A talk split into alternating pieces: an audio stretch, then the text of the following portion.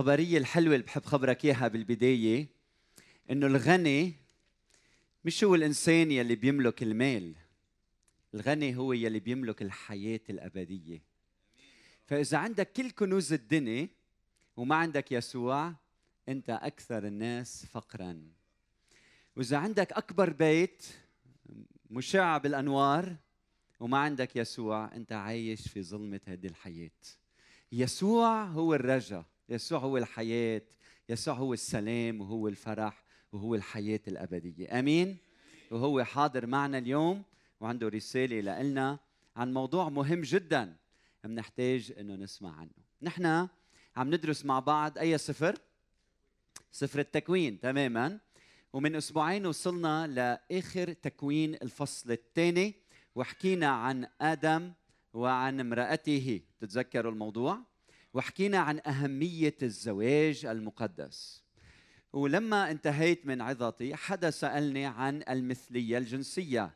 قالوا ماذا عن المثلية الجنسية؟ هل ممكن الاثنين يتزوجوا وإلى آخره؟ فشعرت أنا إنه اليوم لازم تابع هالموضوع موضوع الزواج وأحكي عن هذا الموضوع المهم من هيك عنوان عظتي اليوم المثلية الجنسية. وإذا أنت عم بتشاهدنا رافقنا بكل العظة. لحتى ما تحكم علينا قبل بوقت. اسمع لكل العظة وبعدين أصدر الأحكام يلي أنت بتشوفها مناسبة. المثلية الجنسية يعني هالإنسان يلي عنده اشتهاء نحو شخص آخر من مثله أو الانجذاب إلى آخر من نفس النوع أو نفس الإنسان الآخر. مثلا إذا رجل يشتهي رجل آخر أو إذا امرأة تنجذب إلى امرأة أخرى. فموضوع المثلية الجنسية هو موضوع لا يحتاج إلى تعريف لأنه بعرف إنه كلنا بنعرف عن هذا الموضوع واليوم منتشر هذا الموضوع أو الحديث عنه منتشر في كل العالم. فما بيحتاج إني فسره وعرفه أكثر من ذلك. فموضوعنا اليوم المثلية الجنسية وأنا بعظتي عندي ثلاث محطات. المحطة الأولى هو موقف شخصي. بدي أحكي شوي عن حالي. الموقف الثاني هو الموقف الكتابي والموقف الثالث هو موقف كنيستنا من خلال الأجوبة عن بعض الأسئلة التي نسأل. لتعرفوا شو موقف كنيستنا في ضوء التعليم يلي رح أقدمه في هذا الصباح. موضوع صعب موضوع منه سهل. أنا مطلع على آراء اللاهوتيين بهذا الموضوع ومطلع على آراء المحافظين وغير المحافظين منها اللاهوتيين على آراء المتحررين وغير المتحررين ويلي بيعتبروا حالهم في الوسط. أنا منفتح وسامع لآراء حتى المجتمع المثلي وكيف بفكر بهذا الموضوع. إن كان من بيناتهم أشخاص بيقولوا عن حالهم إنه هن مؤمنين أو أشخاص بيقولوا عن حالهم هن ما بيآمنوا بأي أمر آخر. ورح جرب بهالنص ساعة أو 40 دقيقة قدم هذا الموضوع بعمقه. إذا أنت شخصيا ما بتحتاج له تأكد إنه اولادك بيحتاجوا له بيحتاجوا إنه يسمعوا عنه. لأنه هذا الشيء اليوم موجود في كل التواصل الاجتماعي على الإنترنت بنسمع عن هالمواضيع المهمة المثلية الجنسية. أنا شخصيا رح أبدأ بالمحطة الأولى. أنا شخصيا آه، رجل ما عندي انجذاب نحو الرجال. يعني بطبيعة الحال أنا ما بقدر أشعر معك أنت يلي عم تسمعني إذا عندك انجذاب للشخص اللي مثلك إذا رجل ينجذب إلى الرجال أنا ما عندي هالانجذاب هيدا ما عندي هذا الاختبار بحياتي. لكن أنا بفهم معنى الانجذاب لأنه أنا أنجذب إلى الآخر يلي منه مثلي من أجل ذلك أنا متزوج. لأنه أنا بفهم معنى الانجذاب. فالانجذاب هو مفهوم أنا بختبره بحياتي لكن بيختلف ربما عن طريقتك أنت لمفهومك للانجذاب. الانجذاب في الكتاب المقدس منه خطية. لكن الانجذاب إذا تحول لشهوة تولد الخطية. وإذا نتيجة هالشهوة قمنا بفعل معين إيه، تكتمل هيدي الشهوة تكتمل هيدي الخطية. فالانجذاب اولا هو منه خطيه لكن ماذا تفعل به بحدد إذا خطية أو مش خطية؟ يعني إذا رجل عنده انجذاب في اتجاه معين مش هيدي المشكلة المشكلة ماذا تفعل به؟ ممكن هيدا الانجذاب يتحول لشهوة أو يتحول لعمل غير مقدس. واضحة النقطة الأولى؟ عظيم. فإذا أنا رجل لدي انجذاب نحو امرأة وحبيت هيدي الامرأة أتزوجها. طيب إذا رجل أو امرأة عندها انجذاب نحو امرأة ماذا تفعل؟ إذا ما عندها انجذاب نحو الرجال اطلاقا فقط نحو النساء ماذا تفعل؟ إذا هيدا الشخص هو خيي إذا هيدا الشخص يلي عنده هالانجذاب المثلي هو أختي أو هو ابني أو هو بنتي أو هو حدا عزيز على قلبي لما لا؟ لما لا إنه يتزوج ومثل ما أنا رجال كان عندي انجذاب نحو امرأة وحبيتها واليوم عايش حياة سعيدة معها لأني حققت هالانجذاب بين تزوجت هذه الامرأة. لما لا؟ لما لا إنه يكون في عنده هذا الشخص يلي ما بيحس إلا بنوع انجذاب نحو رجل؟ لما لا يتزوج. فالسؤال يجب أن نسأله وإذا أنت عم بتعيني بدي لك أنا بحس معك. أنا بشعر بهالمعضله يلي عم بتواجهها بهالألم يلي عم بتعيش يلي عم بتعيش فيه. تلاقيت بحياتي بمثليين. كنت بلبنان أو كنت برات لبنان وبلكن بذهني في نوعين من المثليين. في عندك النوع الأول الشرير الخاطي الشرس ربما فيك تستعمل كلمة وسخ يلي بيعمل علاقات جنسية ضمن جماعات يلي كل شيء شاذ بيحاول إنه يعمله بحياته. وبيعمل الخطية بطريقة مقرفة جدا. ولكن في نوع آخر من المثليين. هو شخص لطيف هو شخص بحب يكون أخلاقي هو شخص جميل التعامل معه. هو إنسان مهذب إنسان مثقف إنسان آه، ممتاز ربما بأمور عديدة لكن عنده ميول جنسية معينة. خيي خبرني رواية عن واعظ مشهور يلي لما كان قاعد ببيته يوم من الأيام بدق الباب بيفتح بيشوف أم واقفة على الباب عم بتقول له قسيس أنت لاهوتي مشهور بدي أسألك سؤال هل الدينونة تحدث بعد القيامة ولا قبل القيامة؟ فبيطلع هيك بنص الليل جاي تسأليني هالسؤال بقول لها باختصار اولا القيامة وبعدين الدينونة. فبتبرم وجهها وبدها تفل بقول لها لوين رايحة؟ طولي بالك. زعجتيني بنص الليل وعم تسأليني عن هيدا السؤال يلي ممكن ينتظر لوقت تاني. ليه عم تسأليني شو السبب؟ فبتقول له هيدي الأم لأنه عندي ابن وابن انتحر وهو مثلي الجنس. حابة أعرف إذا القيامة بتصير بالأول ولا الدينونة بالأول. وهلأ لأنك قلت لي إنه القيامة بتصير بالأول هلأ بعرف إنه لما موت ولما يجي يوم الدينونة ولما تصير القيامة بدي خبر يسوع. قديش ابني كان لطيف وقديش كان خدوم وقديش كان محب. هيدا الموضوع صعب موضوع المثلية الجنسية. فمثل ما أنا اليوم عم حس معك عم عم بفهم على مشاعرك عم عم بقول لك بحبك. بعرف قديش المسألة صعبة إذا كل حياتك عندك ميول معينة وما فيك تتزوج. بدي منك اليوم كمان تعطيني مساحة لإلي إني أشرح لك موقف الكتاب المقدس من هذا الموضوع. تعطيني مساحة وتشوفني شخص واقف بجانبك. مش عدوك ولا إنسان بده يوقف لحتى يحاربك. أنا خيك بالإنسانية. فاسمح لي أقدم لك هذا الموضوع وأنا إلى جانبك لحتى تساعدك تفهم كيف نحن نفهم الكتاب المقدس بمسألة المثلية الجنسية. وأنا وعم أقدم الموضوع أرجوك ما تشعر أني عم دينك لأنه لحظة ما تشعر أنه أنا عم دينك وإذا أنا عم دينك أقف مدان أنا بنفسي. لأنه إذا في أمور أنت عم تعملها خاطئة كل واحد منا يخطئ بالحياة. ولا وأنا ما عندي هدف اطلاقا إني دينك في هذا الصباح. وإذا شعرت بهذا الشعور أرجوك اسمعني للآخر لأنه مش هيدا مش هيدا هدفي من هيدا الرسالة. فرح أبدأ بالكتاب المقدس. جاهزين؟ ورح تعطوني مساحة اشرح لكم هذا الموضوع بعمقه. اسمعوني أرجوكم. نحن كجماعة نحن في سلام بقلبنا وفي فرح وفي رجاء بحياة أبدية وفي حياة منعيشها إلى معنى. السبب هو إنه نؤمن بوجود الله.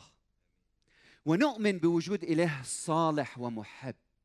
إله عطوف إله كريم إله نظم هذا الكون ووضع له أنظمة طبيعية ووضع له أنظمة أخلاقية. ولخير الإنسان لما خلقه قال له بدي إياك تطيع وصاياي لأنه من خلال طاعتك للوصايا بتعيش حياة سعيدة وهنية. فهيدا الإله العظيم منه إله صامت بيتكلم من خلال الطبيعة وبيتكلم من خلال كلامه المقدس. فأعلن عن مشيئته وإرادته لنا من خلال كلمته المقدسة. فنحن ككنيسة دستورنا الكتاب المقدس. والكتاب المقدس هو مرجعنا في أمور العقيدة في أمور اللاهوت في أمور الأخلاق في أمور السلوك وفي أمور العبادة. من هيك هو مرجعنا الحقيقي.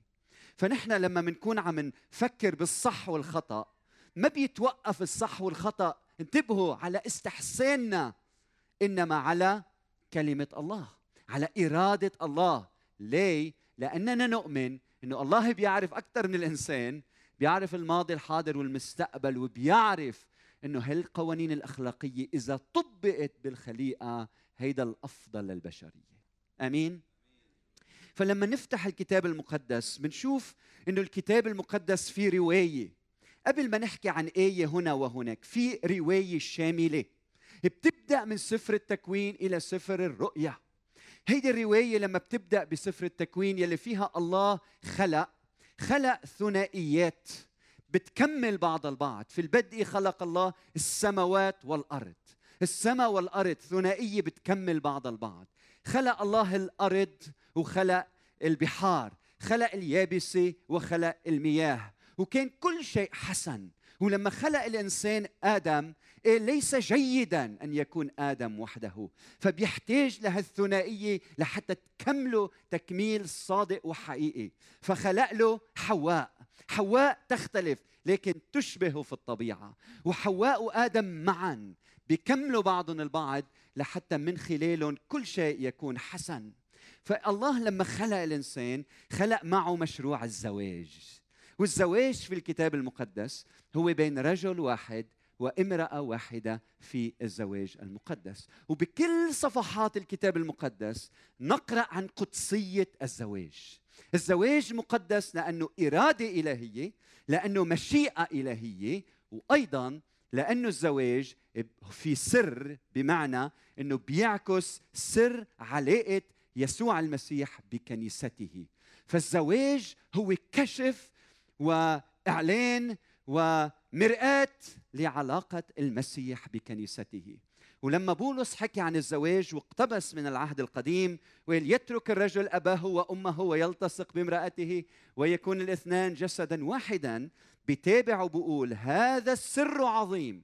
لكن ولكنني أنا أقول من نحو المسيح والكنيسة. فهيدا الزواج بيعكس علاقة يسوع المسيح بكنيسته. وإذا بتروحوا لآخر سفر في العهد الجديد يلي هو سفر الرؤيا الفصل 21 الأعداد واحد واثنين بنقرأ عن سماء جديدة وأرض جديدة ثنائية جديدة ولما بيحكي عن الخليقة الجديدة السماء الجديدة وأرض جديدة وبيحكي عن أورشليم النازلة من فوق يلي هي جماعة المؤمنين بيقول عنها مهيئة كعروس مزينة لمين؟ لرجلها لرجلها. وبعدين بالفصل 22 من سفر الرؤيا الروح والعروس يقولان للرب يسوع المسيح للعريس تعال. ففي الكتاب المقدس يا أخي المثلي يا صديقي الزواج هو شيء مقدس. فبدي إياك تفهم إنه إذا أنا بقول الزواج رجل واحد وامرأة واحدة في الزواج المقدس أنا ما عم كون عنصري. بس عم بكشف لك إنه الزواج هو شيء مقدس وأنا ما فيني إتلاعب فيه لأنه أنا بدي أكون أمين مع كلمة الله وليس فقط الزواج مقدس إنما الجنس مقدس في الكتاب المقدس. يعني الجنس منه هواية تستمتع بها مع من تريد في كل مكان في أي مكان تريده ابدا. الجنس في الكتاب المقدس له إطار مقدس هو الزواج. يعني ما بيقدر الإنسان يقول أنا حر أعمل مثل ما بدي في علاقاتي الجنسية. لا الجنس مقدس مخصص لحتى يكون في هالعلاقة يلي بنسميها علاقة الزواج مشروع الزواج.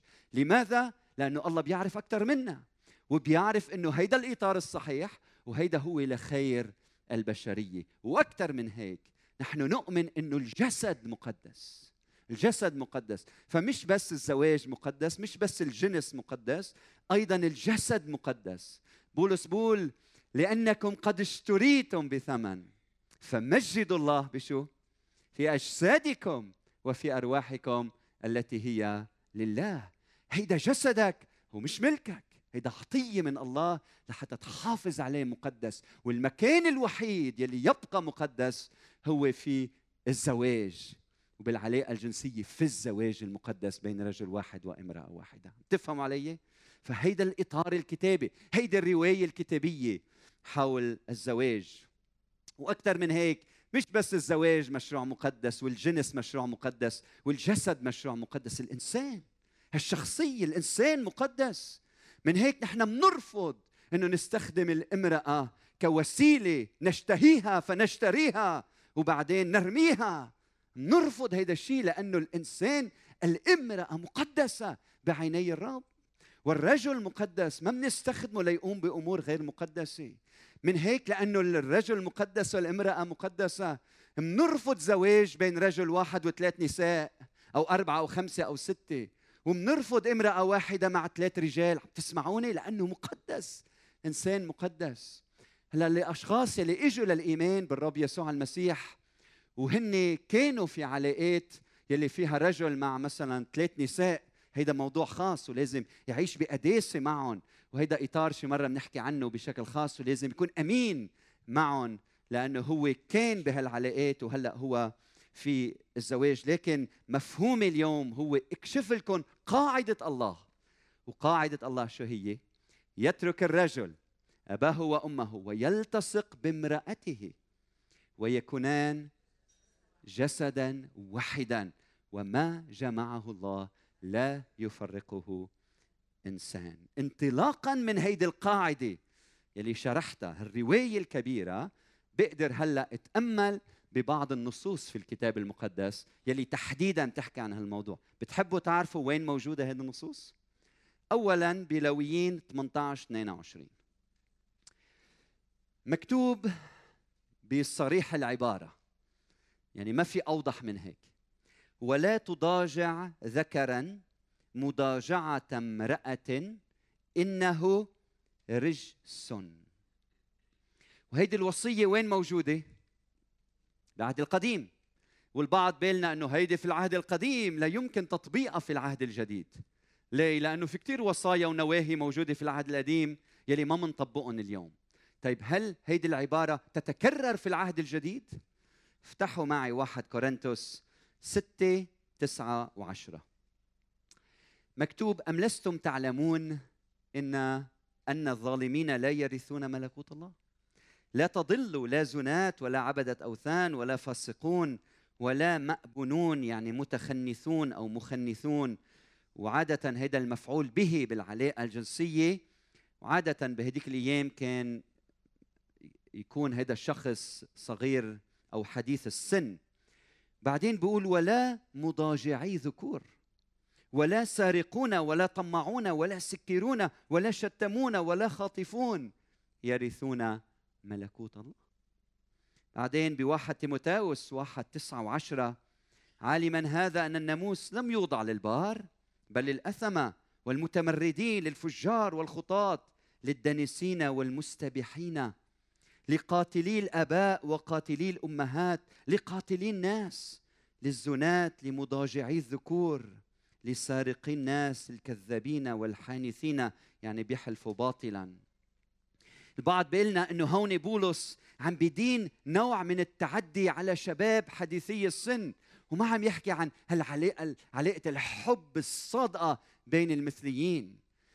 بولس هون ما عم يحكي عن المفعول به عم يحكي عن فعل مضاجعة الذكور يلي هو مرفوض في ضوء رواية الكتاب المقدس يلي بتشدد على مبدأ الزواج رجل واحد وامرأة واحدة.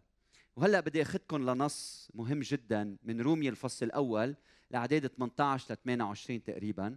وبدي اياكم تتمعنوا معي وتتأملوا معي وحطيت لكم هذا اللوح الكبير لأقدر اشرح لكم هذا الموضوع بعمقه وبطريقة أنتم تركزوا معي لأنه الموضوع صعب. فإذا بتفتحوا معي رومية 1 18 ل 20 فامشوا معي بالنظر ولاحظوا عمق هذه الآيات الموحى بها من الله. لأن غضب الله معلن من السماء.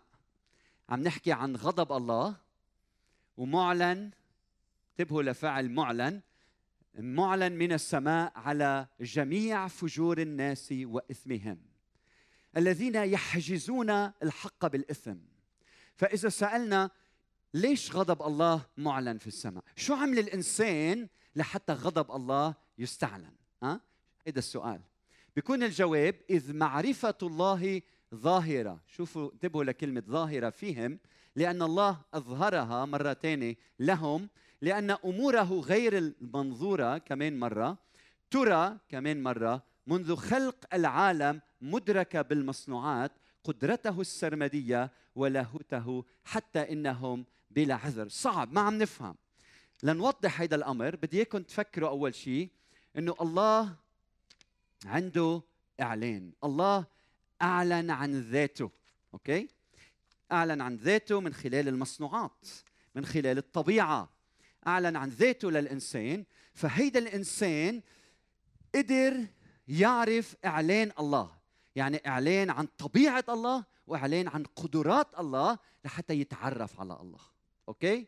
شو صار لما الله أعلن عن ذاته للإنسان؟ شو صار برأيكم؟ تماما الإنسان رفض تمرد. فالحقيقة الثانية اللي صارت إنه هيدا الإنسان رفض إعلان الله. لما هالإنسان رفض إعلان الله okay؟ الله أعلن الإنسان رفض. شو عمل ربنا؟ أعلن عن غضبه. بكلام تاني الله أعلن عن صلاحه أعلن عن محبته أعلن عن قدراته أعلن عن طبيعته المحبة. الإنسان شو عمل؟ رفض. تحول هالإعلان إعلان غضب. أوكي؟ طيب هلأ كيف ظهر غضب الله؟ هلأ بنشوف الإنسان رفض. طيب كيف بدنا نشوف هالرفض؟ شو العوارض هيدا الرفض؟ كيف بنعرف إنه هيدا الإنسان رفض؟ شو مظاهر الرفض؟ لما نقول الإنسان رفض الله طيب كيف شفنا بحياتنا اليومية إنه هيدا الإنسان رفض؟ بتعرفوا؟ بأعماله. طيب أول شيء بنشوفه بأنهم استبدلوا عبادة الله بعبادة الأصنام. العدد 23 خليكن معي. لأنهم لما عرفوا الله لم يمجدوه أو يشكروه كإله بل شو عملوا؟ حمقوا في أفكارهم وأظلم قلبهم الغبي وبينما هم يزعمون أنهم حكماء صاروا جهلاء. شو عملوا لما الله أعلن عن ذاته؟ رفضوا. شايفين الرفض هنا؟ بدل ما يقبلوا شو عملوا؟ رفضوا. طيب طيب وكيف مظاهر هذا الرفض؟ كيف بنشوفه بحياتنا؟ قال وأبدلوا مجد الله الذي لا يفنى بشبه صورة الإنسان الذي يفنى والطيور والدواب والزحفات. فشو عملوا؟ كيف ظهر الرفض؟ شو مظاهر الرفض؟ أول شيء عملوا استبدلوا عبادة الله بعبادة الأصنام. منيح؟ الله أعلن الإنسان رفض الله غضب. مظاهر الرفض اولا صاروا يعبدوا الأصنام. رقم اثنين استبدلوا حق الله بالكذب. استبدلوا حق الله بالكذب. انتبهوا لكلمة أبدلوا هنا. هي نفسها استبدلوا؟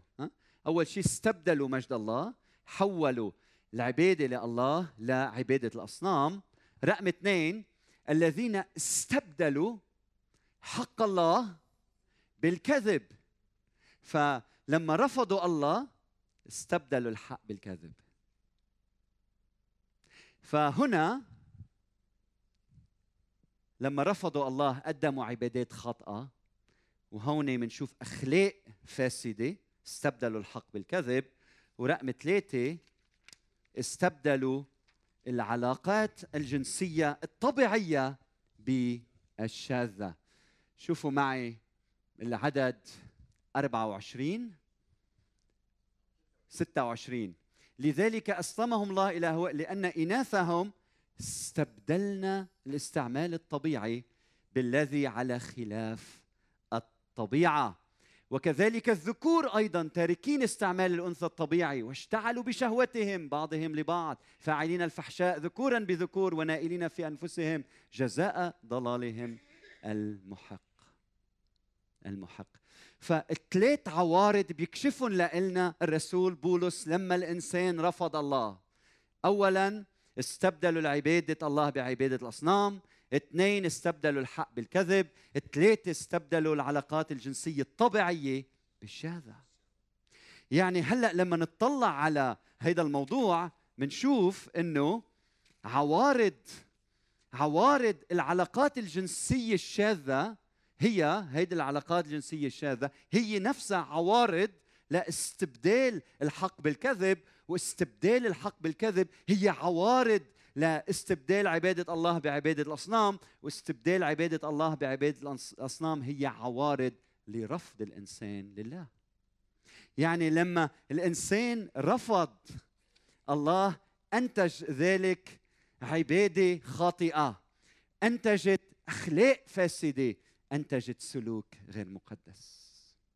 معناتها العلاقات الجنسية الشاذة مش هي المشكلة هي عوارض للمشكلة.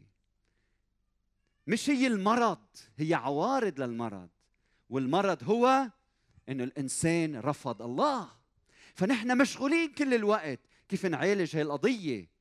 لكن هيدي القضية هي عوارض لمشكلة أعمق من هيك. هو إنه المجتمع عم يرفض الله في حياته والسؤال هو وين الكنيسة؟ وين دور الكنيسة إنه تنادي بيسوع المسيح؟ لما نطلع حول منا ونشوف قديش في رفض لله هنا تلعب الكنيسة دور كثير مهم ولما بنشوف في شذوذ بهذا العالم هيدي كلها علامات إنه الإنسان عم يرفض إلهه ولازم نعالج المشكلة لحتى يتعالج لازم نعالج المرض لحتى العوارض كلها كلها تروح فهمتوا شو عم بقول الرسول بولس؟ عم بقول انتبهوا هالأشياء كلها هي عوارض لمرض رفض الإنسان لله لما الله أعلن عن ذاته للإنسان. طيب كيف غضب الله ظهر؟ أول شيء بنشوف إنه بالعدد 24 أسلمهم إلى النجاسة لإهانة أجسادهم بتشوفوها بالعدد 24 يعني لما استبدلوا عبادة الله بعبادة الأصنام شو عمل الله؟ الله ما نزل نار من السماء عليهم ها؟ الله ما حرقهم ما دبحهم ما قتلهم. اللي بيقول أسلمهم. ثلاث مرات موجودة كلمة أسلمهم مثل ما ثلاث مرات موجود كلمة استبدلوا. أسلمهم إلى النجاسة لإهانة أجسادهم. يعني أنت أيها الإنسان برامت ظهرك وما بدك ياني أنا بتركك تعمل مثل ما بدك. فخطية الإنسان دينونة الله للإنسان بتكفي إنه الله يتركه يعمل مثل ما بده يغرق بشهواته. هيدي هي الدينونة هنا. فغضب الله ظهر إنه ما بنشوفه نيزل نار من السماء. قال له للإنسان عمول مثل ما بدك احصد ما تزرع. احصد ما تزرع. طيب ولما استبدلوا الحق حق الله بالكذب شو عمل الله؟ قال أسلمهم إلى الشهوات الدنية. ما بدكم الحق بدكم الشر روحوا اعملوا مثل ما بدكم ورقم ثلاثة استبدلوا لما استبدلوا العلاقات الجنسية الطبيعية بالشاذة أسلمهم الله إلى ذهن مرفوض إلى فساد عقولهم إلى فساد عقولهم. فشوفوا كيف في ثلاث مرات استبدلوا وثلاث مرات أسلمهم. وسبب غضب الله هو لأنه الإنسان رفض الله بالأول وكان هالنتيجة كل هالخطايا فالكتاب المقدس اليوم عم يكشف لنا لأنه موضوعنا المثلية الجنسية إنه إذا هالم... إذا هال المشكلة إذا هيدا المرض منتشر في كل مكان تذكروا هيدا مش المرض هيدا عوارض لمرض موجود في قلب الإنسان هو رفض الإنسان لهذا الإله الخالق يلي خلق نظام لهيدا الكون. ولما بترفض الخالق بترفض نظامه وبترفض إنك تسلك كما يريد. شو بده الرسول بولس؟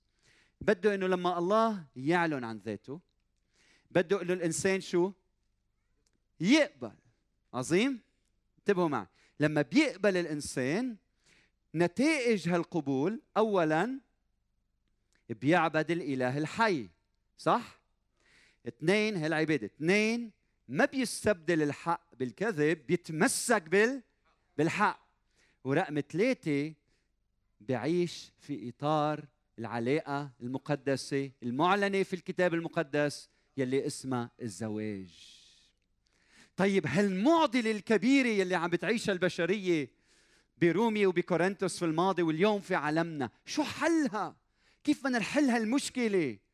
الجواب عند الرسول بولس ابتدأ فيه. لأني لست أستحي بإنجيل المسيح لأنه قوة الله للخلاص لكل من يؤمن. يعني الإنجيل عم بيقول بولس هو الحل لمرض وعوارض مرض الإنسان لأنه بيسوع المسيح بالإنجيل في قوة الله لأنه تحرر الإنسان وتخلصه. أمين؟ هيدا موضوع سفر هيدا موضوع الكتاب المقدس. وهالشرور هيدي يا ريت في وقت اخذكم فيها كلها. هي مش بس المثلية الجنسية. بتابع بالعدد 29 بقول مملوئين من كل إثم وزنا وشر وطمع وخبث. مشحونين حسدا وقتلا وخصاما ومكرا وسوءا. نمامين مفترين. مبغضين الله ثالبين متعظمين مدعين. مبتدعين شرورا غير طائعين للوالدين. كل هالمظاهر كل هالعوارض العلاجة في صليب الرب يسوع المسيح. لما الإنسان بيجي لعند يسوع وبيآمن فيه بينال الخلاص بينال الخلاص. فهيدا اللي بيعلمه الكتاب المقدس. بكل صدق كل الكتاب المقدس من التكوين للرؤية في تشديد على الزواج المقدس. فأي علاقة جنسية خارج الزواج المقدس بين رجل واحد وامرأة واحدة هيدا الشيء مرفوض. ليه؟ لأنه الزواج مقدس لأنه الجنس مقدس لأنه الجسد مقدس لأنه الإنسان مقدس الرجل مقدس الامرأة مقدسة. وكل الآيات الأخرى بتدعم هيدي الرواية الواحدة يلي بيكشفها الكتاب المقدس. وهلأ بيجي لحتى أحكي عن موقف كنيستنا يلي هي النقطة الثالثة بعظتي وجاوب عن بعض الأسئلة يلي نسأل نسأل عنها. أول سؤال هل يمكن أن يشفى الإنسان من هذه العوارض المرضية؟ يلي ربما هو سببها ربما البيئة يلي تربى فيها ربما تعنيف الآخرين له. وقديش هيدا ال... هيدا الشيء مؤلم جدا.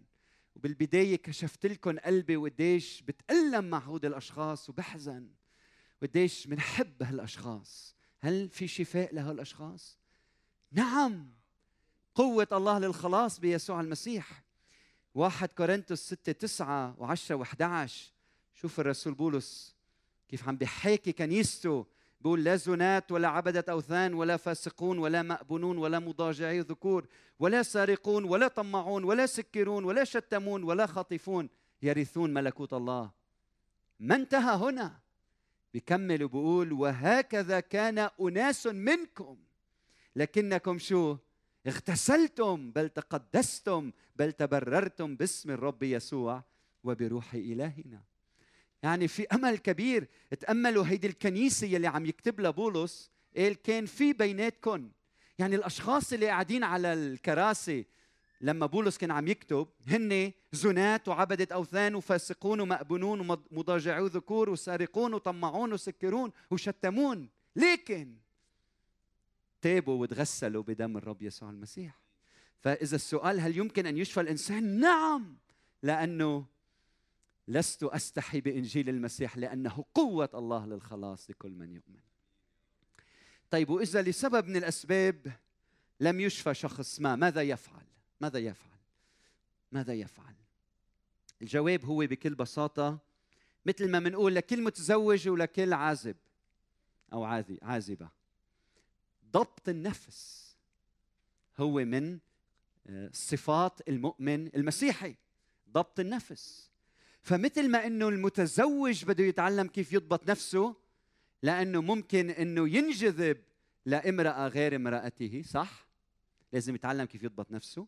مثل ما إنه الامرأة لازم تضبط نفسها لأنه ممكن إنها تنجذب لرجل ويمكن لامرأة. لازم تتعلم كيف تضبط نفسها. ومثل ما إنه الأعزب يلي بيعيش حياته المسيحية الصادقة كتلميذ ليسوع المسيح بيرفض إنه يدنس جسده. وما يعمل أي علاقة غير مقدسة خارج خارج الزواج. أنت أيضا أيها المثلي بدك تتعلم كيف تضبط نفسك لأنه ضبط النفس هي من القيم المسيحية. وكل واحد منا بيحتاج إلى ضبط النفس. أوعى تفكر بس المثلي يحتاج إلى ذلك الجميع يحتاجون. وتذكر إنه العلاقة الجنسية ولا مرة في الكتاب بتحدد هويتك. مش محبة الناس اللي بتحدد هويتك. محبة الله هي اللي بتحدد هويتك أيها الإنسان. ولا مره العلاقة الجنسية بتعطيك الشبع ومعنى الحياة بالكامل. ابدا ابدا. ويلي اختبروا هالأمور بيفهموا إنه هيدا مش يلي بيعطي معنى للحياة. ابدا. إنما علاقتك مع مع الرب. فإذا أنت عم تتألم نتألم معك. نوقف حدك وتقف بقربنا. كلنا نحتاج إلى ضبط النفس وإذا تألم عضو يتألم الجسد معه. فكلنا بنحتاج إنه نعيش حياة مقدسة قدام الرب. رقم ثلاثة هل نشجع على معاقبة المثليين؟ أبدا. ولا مرة الكنيسة تضطهد. هي تضطهد ولا تضطهد. ولا مرة المحبة تحتقر الآخر. ولا مرة المحبة بتهين الآخر. المحبة تحترم كل الناس.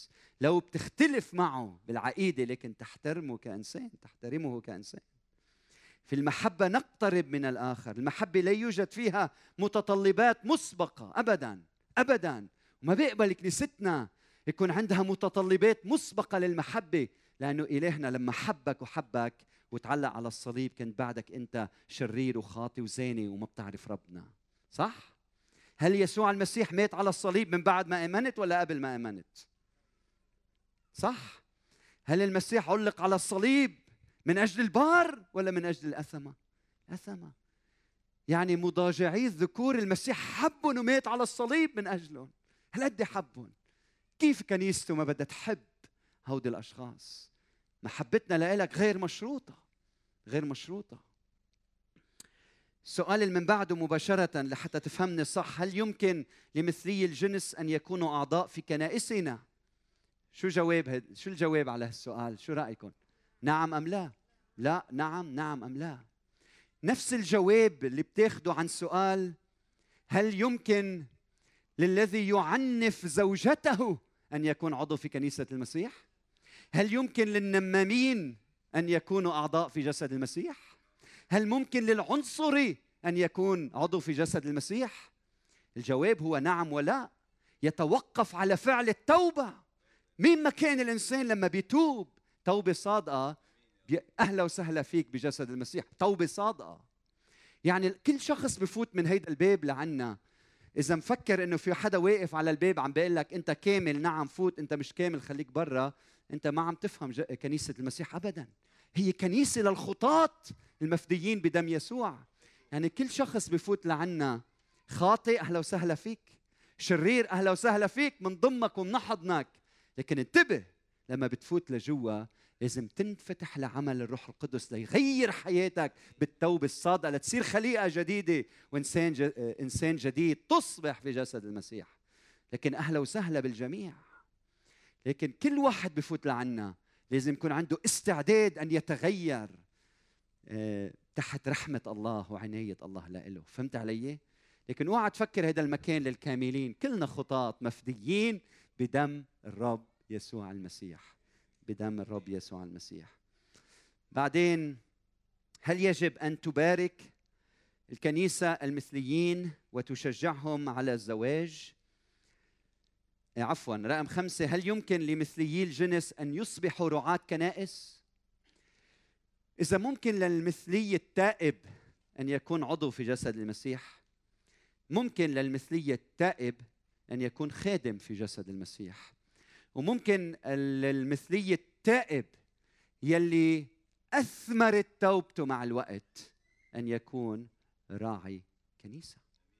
لأنه مثل ما ممكن للراعي الذي ينجذب نحو الآخر المختلف عنه أن يكون راعي كنيسة إذا الانجذاب ما تحول شهوة وما تحول عمل مثل ما قلت بأول عظتي ممكن للمثلي الجنس التائب يلي ربما بعد عنده رواسب من هذا الانجذاب لكن برهن مع الوقت عن ضبط النفس ورفضه للشهوة وللفعل أن يكون أيضا راعي كنيسة لأنه في توبة صادقة أثبتت من خلال الثمر صدق هذا الشخص.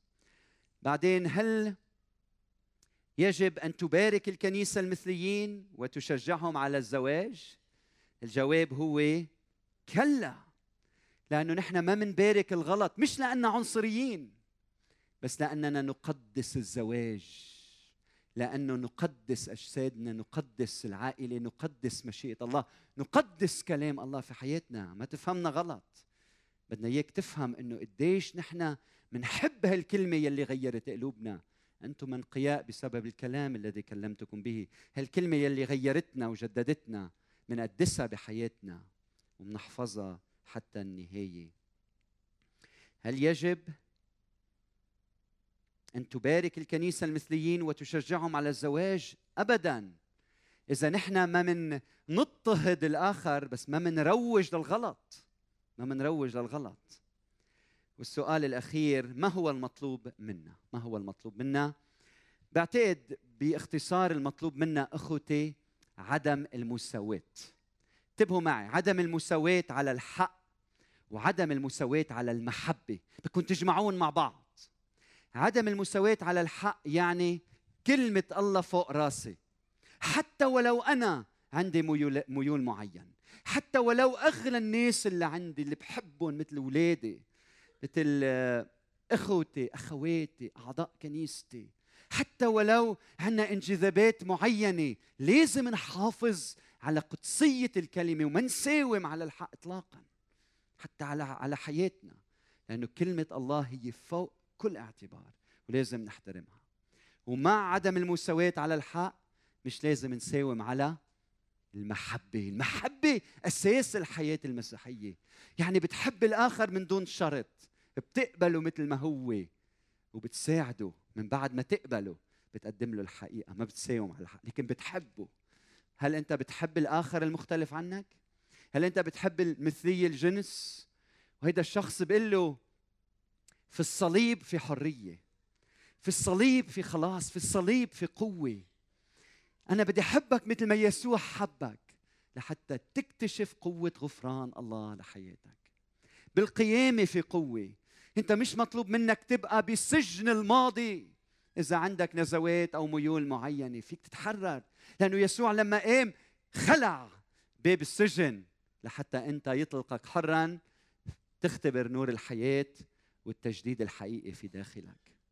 اليوم عندي خبر لكنيستي أرجوكم بدي شجعكم أنتم ككنيسة عيشوا عدم المساواة ولا على الحق ولا على المحبة. اثنيناتهم نجمعون مع بعض ونحبوا الآخر. وصلاتي أنه كنيستنا تمتلي من المثليين الجنس. يلي اختبروا تحرير الله وغفران الله. يلي إذا حدا منهم موجود معنا يشعر قديش بنحبه وقديش عنا استعداد نغسل له قدميه ونضحي بحياتنا من أجله مثل ما عمل يسوع. لأنه خطيتك ما بتختلف عن خطايا من أنواع تانية موجودة في مجتمعاتنا. كلنا بنحتاج للتوبة الصادقة. ويلي بتعمله أنت بيأثر على كل الجسد. من هيك بدي شجعك إنك تجي لعند الرب اليوم بتوبه الصادقه لحتى يعطيك ضبط للنفس لحتى يجدد قلبك وحياتك لحتى تصير أنت الشاهد لأخوتك العزابه والمتزوجين عن عمل الله المغير في قلبك وفي حياتك. آمين؟ آمين.